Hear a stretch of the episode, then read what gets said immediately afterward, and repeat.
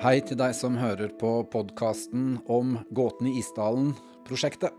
En sesong to er eh, på gang, og vi vil komme med nye episoder nå hver uke litt framover. Men så er det ganske usikkert, fordi at vi veit ikke helt hvor denne etterforskningen eh, bringer oss.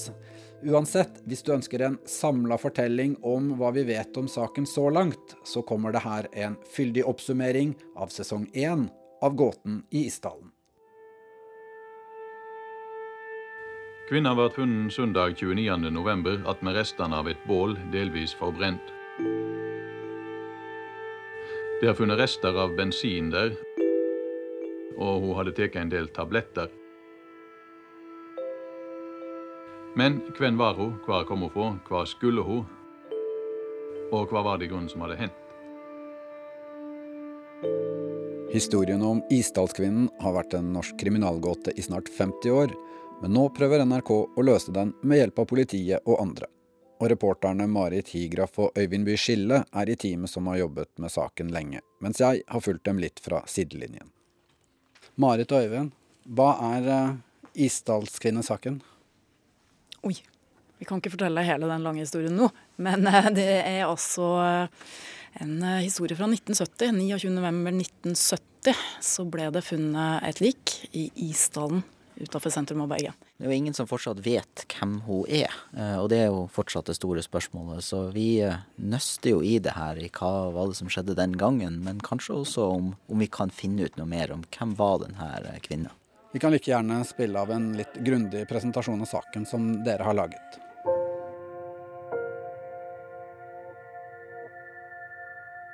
Jeg var litt forundret over hvor vi skulle hen. For jeg syntes det, var det var ufremkommelig, og det var jo ikke vanlig turvei. Og da vi så kom frem til dette åstedet, så er det klart Altså, jeg ble jo forundret og forbauset. og og reagerte da vi kom frem. 29.11.1970 går drapsalarmen hos politiet i Bergen. En far på søndagstur med sine to døtre har gått rett på liket av en sterkt forbrent kvinne liggende i en steinur i Isdalen utenfor sentrum. Vi kjente at her var det lukt av brent lik. Og det var, det var jo ikke noe hyggelig syn hvor langt kommer vi? Altså, vi kan jo, En ting er om vi får noe svar i det hele tatt, men det kan jo hende vi kommer et stykke på vei, selv om vi ikke finner ut alt. Ingenting på åstedet sier noe om hvem kvinnen er. Alle merkelapper på klær og gjenstander er klippet bort og skrapt vekk. Obduksjon viser at hun døde av en kombinasjon av piller og kullosforgiftning fra flammene hun var blitt utsatt for. Politiet i Bergen de satte inn store ressurser, og det ble jo engasjert politi også i eh, flere andre byer, og også internasjonalt. Politiet famler i blinde inntil et fingeravtrykk bekrefter at de har funnet kvinnens to kofferter på jernbanestasjonen i Bergen. I koffertene ligger sofistikerte klær, parykker og briller uten styrke. Men ingenting som forteller mer om hvem hun er. En notisblokk med en rekke håndskrevne koder skal likevel bringe politiet videre når de greier å knekke kodene og finner en omfattende reisevirksomhet. Det har jo vært et stort spørsmål. Hva skulle hun på disse stedene? Og hvorfor reiste hun på disse stedene? Og hvorfor ville hun skjule både sin identitet og reiseruta ved å bruke koder? Altså, det er jo et stort mysterium. Vi vet ikke. Det viser seg at kvinnen har reist mellom Stavanger, Bergen, Trondheim og Oslo, men også til europeiske byer som Paris, Hamburg og Basel. Politiet finner hotellene hun har sjekket inn på, som Hordeheimen og Neptun i Bergen. Problemet er bare at hun har registrert seg med åtte forskjellige navn, og altså har hatt åtte ulike pass. Som alle viser seg å være falske. For i virkeligheten finnes ingen Vera Slåssenek Alexia Sarna Merces eller Elisabeth Lenhofer. Gåten om Isdalskvinnen har kanskje gått litt i glemmeboka og er ukjent for mange, men for bergensere som Helge Jordal, Ole Torp, Dag Steinfeld og Kurt Oddekalv er det et levende mysterium.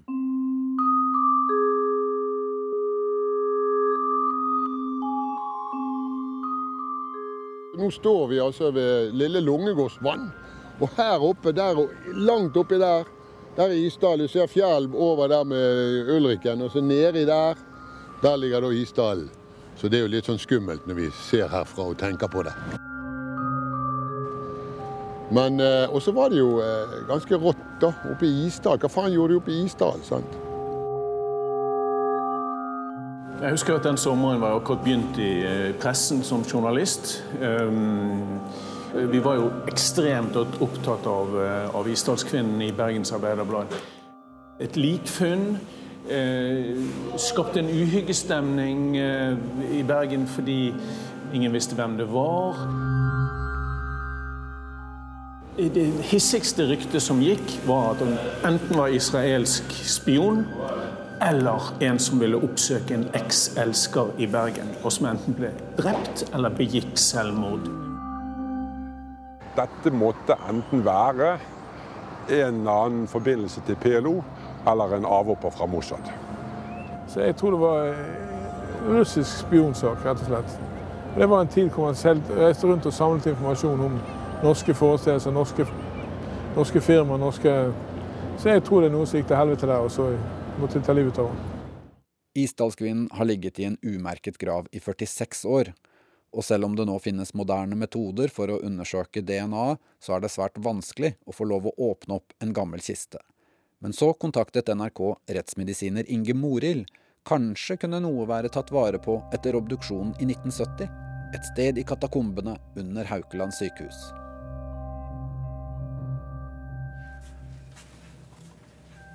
Her har vi noe. Men det det er ikke Isdalskvinnen, men, men dette er tannlegene sitt. Uh, uh, uh,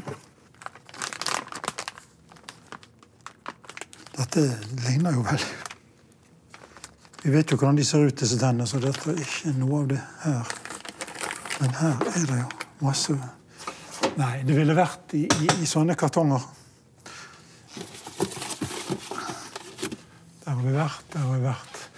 Nei, dette var, jeg tror jeg, jeg tror det var det eneste som var igjen. Sto jo eh, bak noen hyller til dels i en periode der når det skjedde veldig mange spennende ting. Så vi så ikke alt, men vi hørte den stemmen og de raslingene i de pappeskene. og det er jo noen esker igjen på toppen der, da. Kan, kan du ikke se der òg. Jeg hadde ikke helt trua, men OK, han skulle kikke etter. Så bokstavelig talt, faktisk. Siste eska. Kameraet hadde gått i 38 minutter. Ja, ja. Jeg ser det står en fra 1970 her. Se her.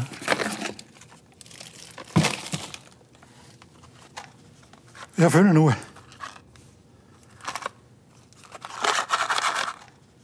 Det er en, en boks som står Isdalskvinnen på. Det er helt utrolig. Men den er teipet igjen, men det, det høres ut som tenner. Den må vi bare åpne. Ja, jeg er spent nå.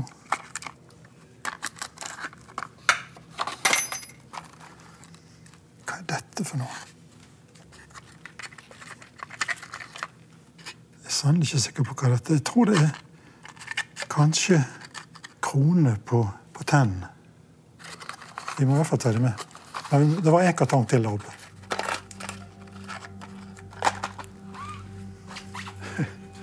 Så får jeg risikere livet litt til her borte, da.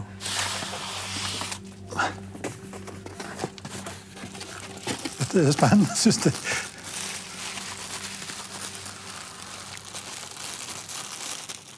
Dette er tennene til isdalsken. Jeg skjelver litt på hendene. Det er helt utrolig. Jeg hadde ikke tro på det, egentlig. Hjelpe meg. Kriminalforfatter Gunnar Staalesen var en av dem som fikk blod på tann over nyheten om at det var funnet materiale etter Isdalskvinnen som det muligens kunne hentes DNA-profil ut av.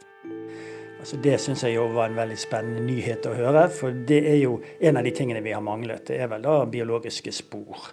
Nå er jo dette en 46 år gammel sak, Så i den grad det er mulig å sirkle inn noe, så vil jo mange av de aktuelle vitner jo være borte. Etterforskerne er stort sett borte. Så det er vel de tekniske og biologiske og eventuelt andre spor man finner som kanskje i beste fall vil føre oss nærmere løsningen. Nå er jeg jo fra Bergen, og jeg løper faktisk inn i isdalen minst to ganger i uken. Eh, så dette er jo virkelig på hjemmebane for meg. Eh, så den har jo fulgt meg gjennom hele livet.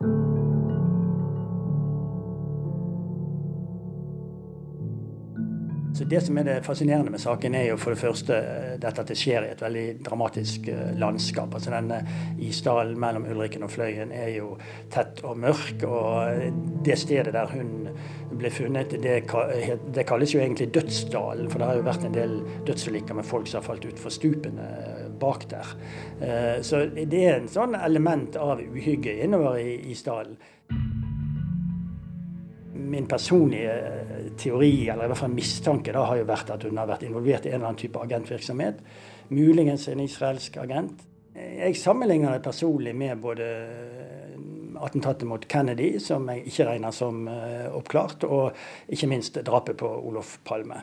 Uh, nå jo, var jo det storpolitiske saker. Dette er nok en sak med litt mindre format. Men til gjengjeld så foregikk den verken i Dallas eller i Stockholm, men i Bergen. Og hun er jo på mange måter en klassisk femme fatale som vi krimforfattere elsker å skrive om.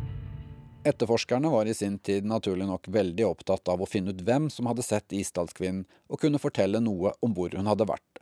Reporter Eirin Årdal jobbet med politiets vitner fra 1970. Eh, de brukte veldig mange som hadde jobba på hoteller som eh, de visste at Isdalskvinnen hadde vært på. Du har snakket med Lillian og Alfhild som jobbet på Hotell Neptun i Bergen, så vi kan eh, høre litt hva de sa. Ja.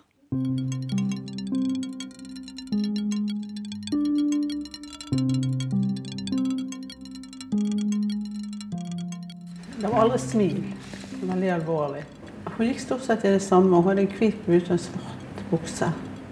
Mørkt hår, halvlangt hår, veldig pen dame. Hun oste liksom eh, selvsikkerhet. Sier Alfhild Ragnes, som var servitør på Hotell Neptun i Bergen. Alfhild ser fremdeles føre seg en ettermiddag hun så på Isdalskvinna og kviskra til en kollega. At det er akkurat den stilen som hun der har, det kunne jeg tenkt meg å ha når, når jeg blir stor. Får jeg til slik. Og mm, jeg var sånn rak i ryggen og pen i tøyet. Og virka eh, for å være ei som vant til å reise og ta seg fram, da.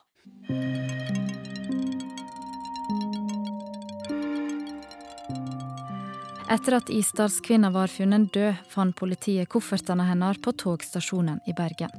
Der lå bl.a. en plastpose som førte dem til Stavanger. For den viste at kvinna hadde vært på en skobutikk. Der jobba Rolf Rørtvedt.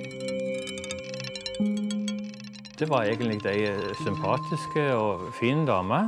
Han hjelpte kvinna med å kjøpe nye gummistøvler. Det er jo litt uvanlig at folk bruker så mye tid på gummistøvler, men det gjorde hun. brukte mye tid, og, og, hun ville tenke på det å komme tilbake en dagen etterpå. Og det gjorde hun, og kjøpte de neste dag, da.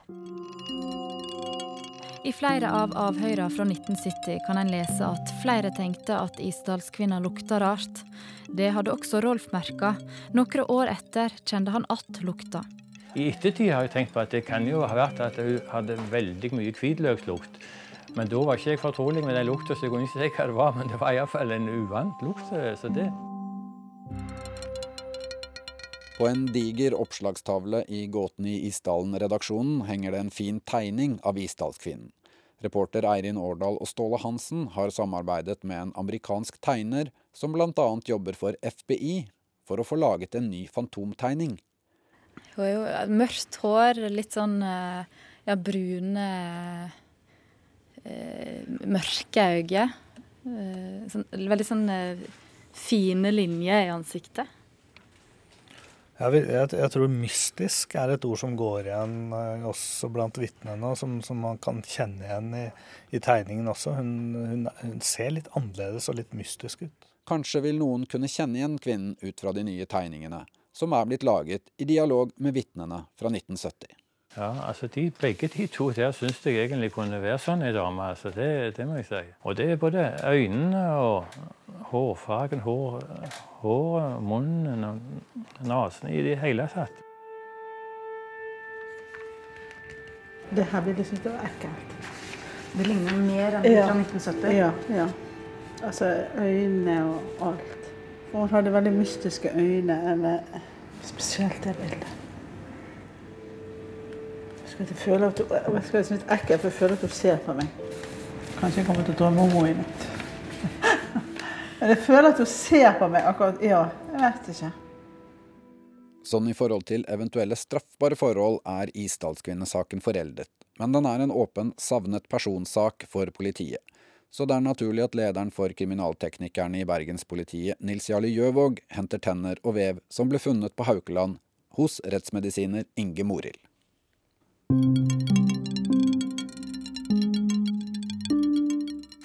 Nei, men Da tar jeg med disse. Og så var det jo disse um, to uh, Det var jo snakk om kjevene. Kjevene har, de var funnet. har vi jo funnet. Ja. Helt fantastisk. Ja, jeg har jo sett uh, noen av disse bildene av kjevene som ble tatt den gangen. Røntgenbildene. Overkjeven, ser du. Ja. Har du? Det er jo gjort mye tannbehandling. Du ser sånne sveve, sveveledd her. Dette er sammen. At han mangler under, men det ser ut som han er i overflaten. Så dette er jo masse dyre arbeider. Og... Nei, så dette er noen med penger. Ja. Eller som har fått betalt av hverandre. Ja, Noen har i hvert fall måttet bekoste det. Da overlater jeg de til deg. Håper du tar godt vare på dem. Ja, det skal jeg gjøre. Jeg skal ta dem med bort til Folkehelseinstituttet, så de får se på det. Så vurderer vi videre hva undersøkelser som, som kommer aktuelle utenom DNA. Ja. Uten. Veldig bra. Det er utrolig spennende og interessant. Krysser fingre. Ja. Et annet spor fra etterforskningen som er uh, gåtefullt som alt annet, det er uh, dette med den mystiske mannen. Eirin, hvem var han? Det er det ingen som vet, men uh, det er flere som har sett Islandskvinna med en mann. nå skal vi høre Siri, som jobba i en butikk i 1970.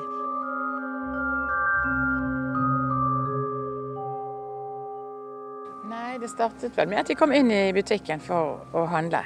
Ja, For å kjøpe et speil. Hvilket inntrykk fikk du av dem når de kom inn? Altså, det var vel først når de begynte å fortelle hva de skulle ha, at eh, de så helt Hva skal jeg si, det så greie ut. Så vidt. De var mørke. De var jo østeuropeisk eller noe sånt i den. De snakket ikke engelsk, ikke italiensk, ikke fransk, sant? Eh, ikke tysk. Så de må, de må jo ha vært fra et annet sted. Er dette et spor uh dere tenker er eh, helt kaldt? Ja, det er, det er, vanskelig å se hvordan vi skal klare å finne ut av det i dag. Men uh, det kommer jo litt an på. Vi kan jo håpe at noen tipser oss, f.eks. Hvis de var kjærester, så var det et dårlig forhold. Nei, jeg tror de bare Jeg vet ikke. De, de, de, diskuterte, og de var litt sånn alvorlige og litt sinte på en måte. Litt sånn eh, Ja sinte på hverandre? på Ja, altså de var ikke noe, Det var ikke noe smil. De var ikke noe sånn vennlige, egentlig. Nei. Ja. Husker du noe annet om han? Nei. Egentlig ikke. Det er vanskelig å huske så langt tilbake. Det var mørkt. De var mørkkledd begge to. De var mørkkledd, og de var mørke. Og ja, rett og slett. Jeg husker ikke noe mer enn det. Og det som er litt problematisk, er at vitnene som har sett henne sammen med en mann, beskriver, litt, eh, beskriver mannen litt forskjellig. Han, eh, I noen, eh, noen, avhør så har han rødt hår, i andre avhør har han mørkt hår. Så det, det, kan kanskje tyde på at det har vært flere menn enn en, en bare én. Men det er, det er, akkurat den delen av saken er vanskelig å rulle opp i dag, tror jeg. Det var rart at de aldri fant den. Men han kan jo ha kommet seg unna. Altså, han kan jo ha reist fra landet ganske kjapt. Isdalskvinnen fikk stor oppmerksomhet i norsk presse og media i 1970, og teorier om hemmelige agenter og likvidering lå nær opp i dagen. Her er et klipp fra Dagsrevyen som dekket politiets pressekonferanse en snau måneds tid etter likfunnet. På en pressekonferanse i dag streker kriminalsjefen i Bergen og avdelingssjef Rolf Harry Jarman fra Kriminalpolitisentralen under at saka ennå ikke er oppklara, men på bakgrunn av alle teoriene som har vært framme, fant de det rett å legge fram det de vet, og dra visse slutninger på grunn av det. Kriminalsjefforsker Hornes, det har vært mange fantasifulle teorier i pressa i denne saka. Var denne kvinna innblanda i spionasje? Nei, det tror jeg trygt kan slå fast. At det er ingen holdepunkter. Ja, enda mer, det kan vi helt utelukke. Politiet kom med sin nokså bastante konklusjon etter veldig kort tids etterforskning. Og det er en strategi reporterne Marit Higraff og Ståle Hansen har sine tanker om i dag. Ja, det, jo, det, er jo en grunn til at det har versert teorier i alle år siden den kvinna ble funnet. Um, og det er jo at det var flere ting med den forholdsvis raske konklusjonen fra politiet, både med at det var selvmord, og at, at det definitivt ikke var spion, som, som var litt sånn rart, da. Hvordan kunne de konkludere så raskt med det? Det vi vet, er jo at de, til tross for at de var ganske bastante eh, når de avviste det, så fortsatte de å etterforske eh, om hun kunne være spion eller ikke. Både, altså Overvåkingspolitiet var jo inne i saken og gjorde sin etterforskning, som strakk seg langt inn i 1971. Eh, de avhørte bl.a. Eh, disse eh, Mossad-agentene som var i Norge og drepte Ahmed Bouchiki i 1973, sånn at politiet bak kulissene la aldri helt bort den spionteorien som de, var, som de avviste veldig bastant. Da. Er det drap? Nei. Eh, vel, saken er jo ikke ferdig. Men fra første stund så har man gått ut fra at det ikke forelå det. Fra første stund på åstedet. Vi må jo si om ikke de endelige resultater foreligger fra Rettstoksikologisk institutt, så er det etter det vi vet, intet som gjør oss grunn til å anta eh, noe annet. Eh, så vel de eh, kriminaltekniske, rettstoksikologiske og rettsmedisinske uttalelser synes ikke å rokke vår oppfatning i det. Hva land har hun kommet fra?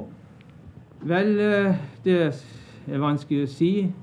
Det vi nå arbeider med, det er at hun muligens kan være kommet fra Frankrike, nærmere bestemt Paris. Hovedetterforskeren i Bergenspolitiet den gang het Harald Osland, og sønnen Tore Osland har senere brukt mye tid på Isdalskvinnesaken, og han har sine teorier om hva som egentlig skjedde. At jeg, jeg er selvfølgelig helt trygg på at han ikke mente at saken var oppklart med den konklusjonen som ble gjort. Det er ikke ingen tvil om.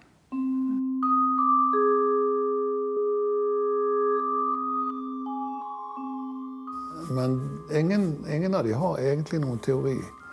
Uh, så de har på en måte funnet seg til rette med at uh, dette her blir ikke løst, eller noe sånt. Det kan være det at de har vært påvirket av, av, av etterretningstjenester og, og, og, sånne ting fra den tiden. Jeg vet ikke. Det er veldig rart, for de har liksom sånn Sånn er det. Ja. At overvåkingstjenesten knebla dem i arbeidet, nærmest?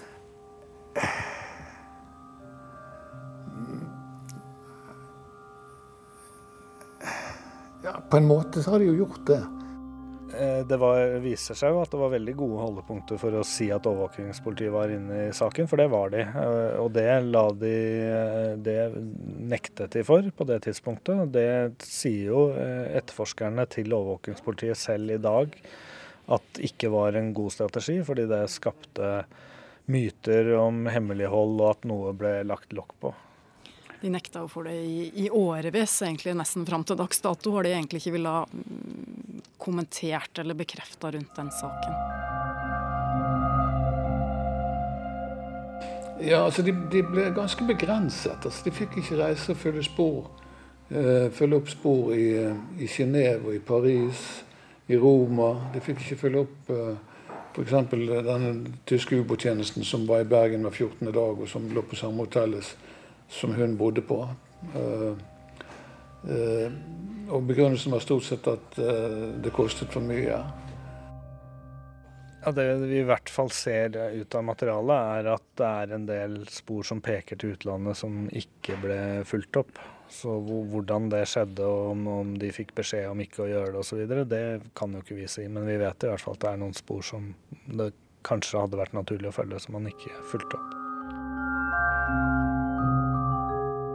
Jeg syns det er rart at uh, ingen drosjesjåfør har meldt seg for å ha kjørt henne fra hotellet til jernbanen. Det syns jeg er veldig rart. I 1991 så var det en som sto fram anonymt og hevdet å være denne drosjesjåføren. Ble det festa lit til den gang?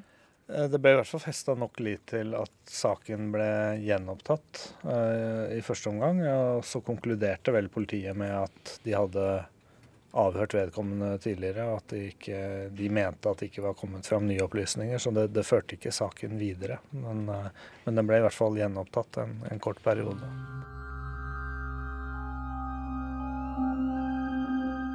Altså, jeg tror, jo, jeg tror jo på ingen måte at dette var selvforskyldt, og at dette har, har vært slik som eh, konklusjonen var, at det var en form for selvmord eller ulykke. Det har, det har jeg ikke lenger noen som helst tro på. I alle år har det vært spekulert mye i om overvåkningspolitiet var inne i saken. Norske medier har flere ganger opp gjennom åra forsøkt å få innsyn i dokumentene, og i høst fikk endelig NRK lov til å lese mappa om saken. Eh, det var ingenting i mappa som på en måte bygger opp under de påstandene som har vært om at det har foregått eh, et slags sånn skjult spill i kulissene, men eh, det lå flere ting der som var nye i forhold til at hun ble etterforsket for helt konkrete spionasjehendelser i Norge. Kanskje mest overraska over det vi ikke fant i mappa? Eller at den var litt mangelfull, da, syns jeg. Ja, det var, det var 140 sider eh, i mappa. Det var kanskje 100 av de som var eh, dokumenter som også ligger i politimappa. Så det var veldig få dokumenter som, som hadde, var eksklusive fra POT. Det var det.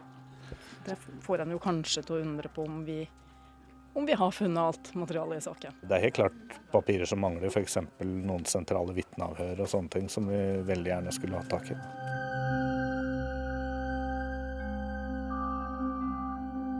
Dere fant noe veldig, veldig konkret som gjaldt uh, en teori om hva Isdalskvinnen kunne ha gjort i Norge. Hun skal ha blitt observert uh, av et vitne i Tananger.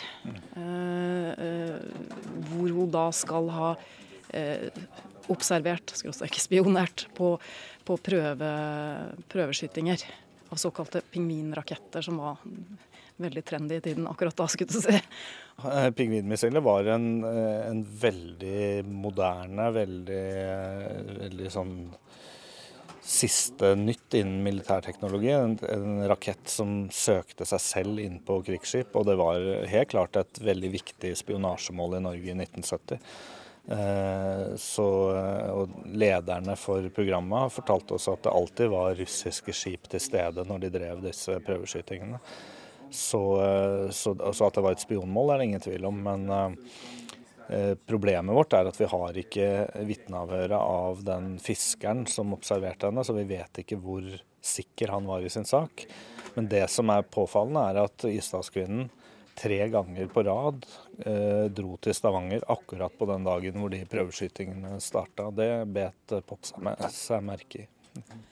Fisken er jo, altså Vitnet fra den gangen er jo død, men vi har jo snakka med kona hans.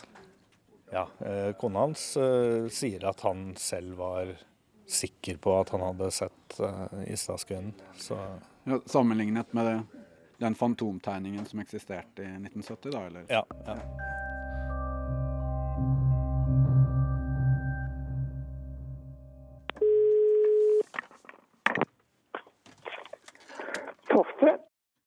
Ørnulf Tofte har dere snakket med. Hvem er han? Ørnulf Tofte er en eh, legendarisk spionjeger. Eh, ble en av lederne for kontraetterretningsavdelingen i, i POT. Og jobbet der fra, fra 40-tallet vel, og helt fram til slutten av 80-tallet. Var med å arrestere alle de store norske spionene som Gunvor Galtung Håvik, Arne Treholt, ja. Jeg ble kalt bort der fordi jeg skulle se på dette eventuelle, om det kunne ha noe befatning med spionasje eller noe i den retningen. Ørnulf Tofte husker jo detaljer veldig godt. Selv om han er blitt en godt voksen mann etter hvert, så husker han jo både åsted og, og tanker og teorier han, han, gjorde seg den gangen, sammen med Jarmann, som han het, den som, han som leda etterforskninga fra Kripos. Og det Jarman og jeg kom til etter at jeg hadde studert dette, det var at hun antageligvis hadde sittet og tent opp et bål, kost seg der oppe. et deilig område. Um, og han hevder jo det at de kom fram til en teori sammen om at det var en hårsprayboks inne i bildet her. Og så hadde hun antageligvis, de kunne tenke oss, kanskje mistet denne sprayflasken sin ned i det derre bålet. Og så hadde hun bøyd seg over det for å hente den opp igjen. Og så hadde den eksplodert. Det var det vi kom frem til. Dette åstedet oppe i denne øde isdalen, det, det er ja. fryktelig bratt og ulendt terreng der og sånn. Hva, ja, hva tenkte riktig. du når du så det? Det er et veldig spesielt åsted? Ja, det var en sti som fulgte opp, og akkurat der dette bålet var, det var eh, ja, fem, seks, syv, åtte, ti meter fra stien opp. Så det var ikke meningen at du kunne gå inn og sette deg i fred og ro. Ja, det at hun hadde vært nede på eh, jernbaneområdet og skaffet seg litt narkotika. Og så hadde hun gått opp i fred og ro og satt seg oppe i skråningen der og tent seg en røyk eller hva det måtte være. Og så hadde dette skjedd. Det er det jeg tror. Den ene muligheten kan være like bra som den andre, men hvis det var en eventuelt agent som var utsendt så kan det, må det enten ha vært fra Sovjet eller, som du nevner, Israel. Men som sagt, det er en mulighet i og med at hun hadde flere identiteter, at hun kan ha vært en illegal som kan ha reist rundt på oppdrag. At hun da tok seg en pause oppe i åsen der. Jeg vet ikke. Alt kan være mulig. Åstedet inne i Isdalen legger skikkelig vanskelig til, NRK var med når krimtekniker Nils Jarle Gjøvåg tok med Per Angel fra Kripos og forsøkte å finne tilbake ved hjelp av kart og gamle bilder. Da prøver vi minste motstands vei. Det pleier vanligvis folk å gjøre, i hvert fall. Ja, jeg, jeg vil ned her. De to kriminalteknikerne har lest seg opp på åstedsrapporter og funnene fra obduksjonen. Målet er å forsøke å tolke hva som kan ha skjedd her inne i november 1970. jeg er for gammelt, dette her. Å være kriminaltekniker i Danmark er vel enklere, Nils Arne? Ja, det var... Eh, nå er jo vi to fjellgeiter. Men skal vi vinne noen høydemeter til? Vi prøver å gå opp for å finne stedet hvor fotografen har stått. Hører det? For så å ta oss ned igjen. Dette, dette her var uh, utfordring, det. Og hvis jeg legger til grunn at det, restene av skimter en slags vei er den buen der, da, mm. så er vi uh, omtrent der fotografen har stått. Det er litt uh, rart å tenke. Jeg husker ikke riktig hvor gammel du er, Nisiale, men 1970, da var jeg ti år. Ja, jeg var Står vi her nå 6-47 år etterpå og, og, og, er tilbake igjen på en, en veldig spesiell sak. Jeg må jo si at jeg var jo ikke helt uh, sikker på at vi kom til å finne uh, det så lett som dette her. Sånn, sånn jeg husker og sånn jeg har lest, forsvant jo sporene på jernbanestasjonen. Mm. Og det er jo et stykke herifra. Ja, og, og det er absolutt mulig å gå hit ut. Mm. Men det er også mulig å bli, eller kjøre eller bli kjørt. Så gangavstanden fra bilvei den er jo ikke lang. Nei. Snakker om bare noen få hundre meter. Og det er nok ikke så langt bort til stien. Hele stedet bærer jo preg av at det er ikke noe tvil om at hun har gått hit selv, tror jeg Nei. vi må kunne si. Og det er jo det Utgangspunktet er at uh, det er ikke noe tvil. Hun har pustet inn eh, røykgasser og ja. giftige kullosgasser. Hun har en, uh, en rester etter sovemedisin i blodet, mm. og det er funnet uh, Over tolv tabletter i magesekken ja, som, ikke var oppløst. Som ikke oppløst. Det som jeg reagerte når jeg leste, det er dette her at ørepynt og ring og klokke er tatt av og ligger liksom ved siden av. Paraplyen er med. Uh, kaker, mat, skråstrek niste. Uh, isolert sett så kan det tyde på at vedkommende er på en slags tur, utflukt. Men sett i lys av piller og sånne ting, så, så, er det grunn til å tro at hun har spist pillene frivillig og ikke blitt uh, truet til det. Men det er klart at det er også en sånn ja, nei, det, som uh, kan ligge som en, en alternativ hypotese. da. sporene, slik vi tolker dem, er vel mest forenlig med at dette er et, et eh, selv, selvpåført. Da. Etter å ha vært på det gamle åstedet tok Nils Jarle Gjøvåg med seg vev og tenner til Folkehelseinstituttet i Oslo og avdelingsdirektør Margrethe Stenersen. Eh, det som jeg har med nå, det er jo disse blokkene. Det som var mildt vev. Nå har jo dette vært oppbevart som jeg sier, siden 1970, og med uten tanke for noe DNA. Ja, så det har vært håndtert Det har vært eh, håndtert, ja, uten ja. verken hansker eller noe tanke for DNA. Forventningen er vel eh, kanskje 50-50 ja, på at vi får ut noe bra profiler her. En som fulgte saken tett fra november 1970, var Knut Håvik. Som krimjournalist i VG hadde han veldig gode kontakter i politiet.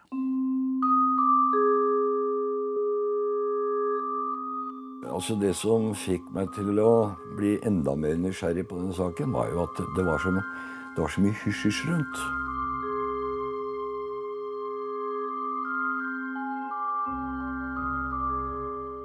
Politiet eh, ville vanligvis gå ut med, med en del informasjon for, nettopp for å få hjelp. Men i dette tilfellet, i denne saken, så gjorde de ikke det. De la bare helt lokk og gikk ikke ut med noe som helst form for informasjon til å begynne med. Og det reagerte han og andre på.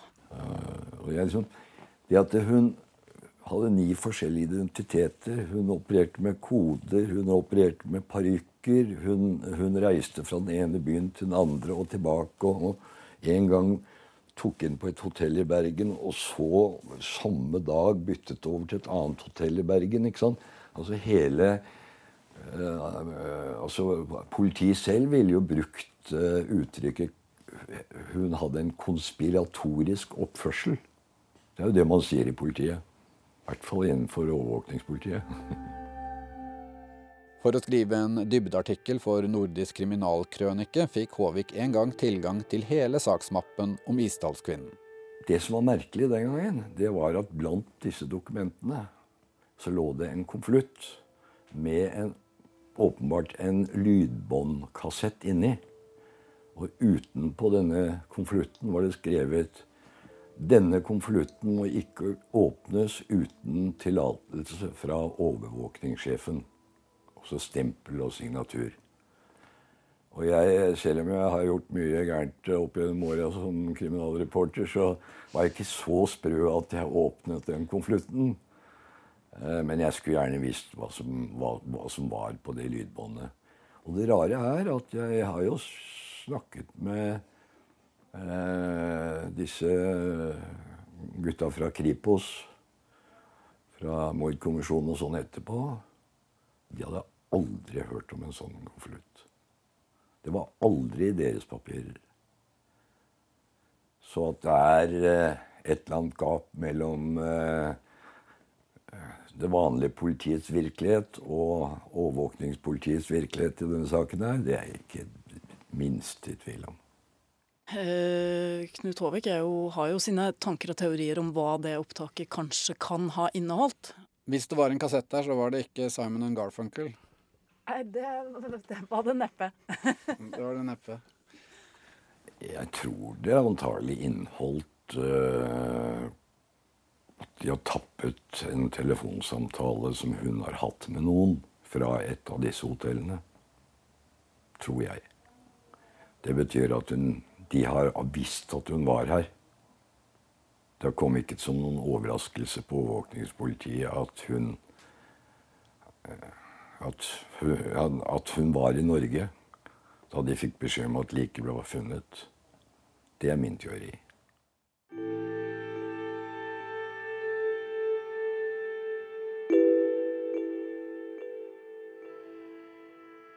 Jeg er overbevist om at det ikke var et selvmord.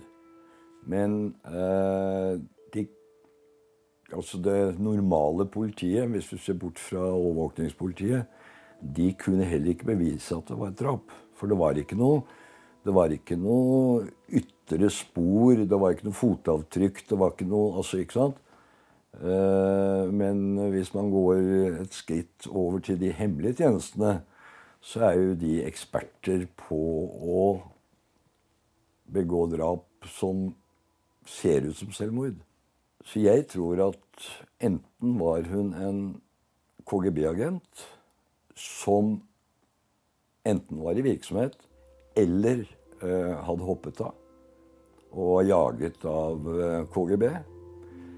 Eller så var hun en Mossad-agent.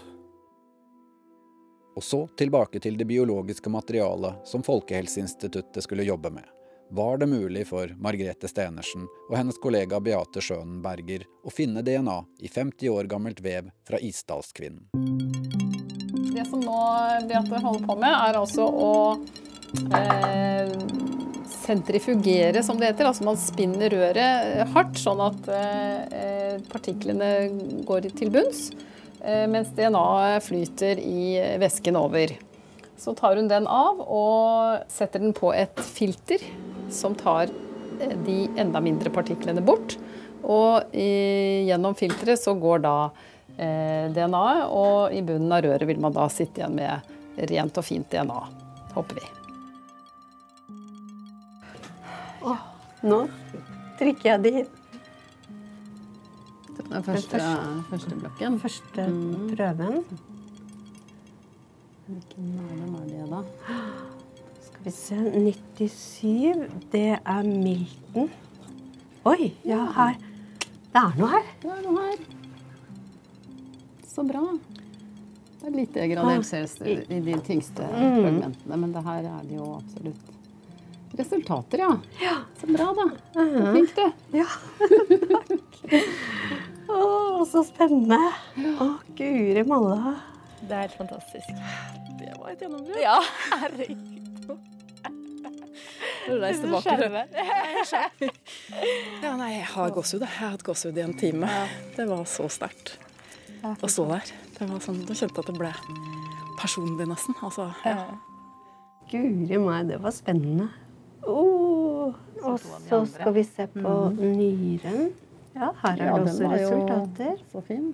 Og siden vi får de samme resultatene på begge disse to organene, som jo tross alt er forskjellige steder fra, så det tyder jo på at det er eh, fra den døde. Ja, mm. vi kan se på... Og ikke en forurensning.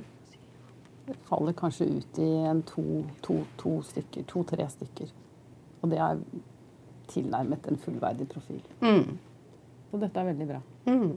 DNA-profilen kan sammenlignes med profiler i databaser som brukes av både politi og slektsgranskere verden over.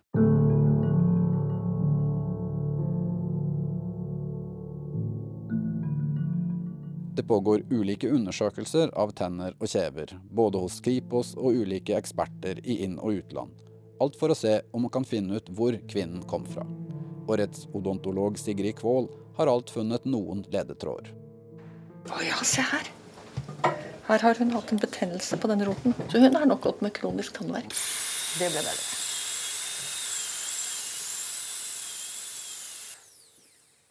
Det ligger en liten fylling der. I Øst-Europa så hadde de sånne silikatfyller også på tyggeflaten. Dette her har jeg sett fra Russland.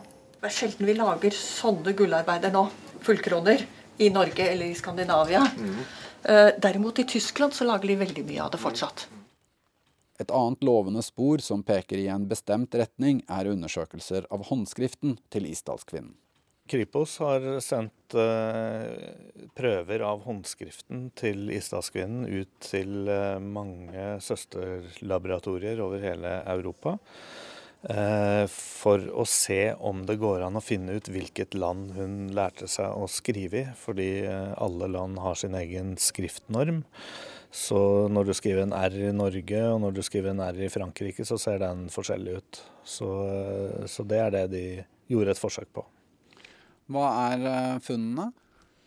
Ja, Det er jo det interessante, at flere, såpass mye som fire av disse laboratoriene, har meldt tilbake at de mener Eh, å se at dette tyder på fransk eh, skrivemåte. Altså at hun har lært, eh, lært å skrive i et fransktalende land. Frankrike, Belgia eller et annet fransktalende land. Det som synes klart, er at hun har vært her i landet en tur i mars. At hun utenom Bergen har vært i Stavanger, Trondheim og Oslo. Det ser ut til at hun så å si ikke hadde kontakt med andre mennesker. Dere møtte Mari Tigraf, Eirin Årdal, Øyvind By Skille og Ståla Hansen fra Gåten i Isdalen-redaksjonen. Og jeg heter Kjetil Saugestad, og flere episoder av podkasten kommer fortløpende. Så det er bare å følge med.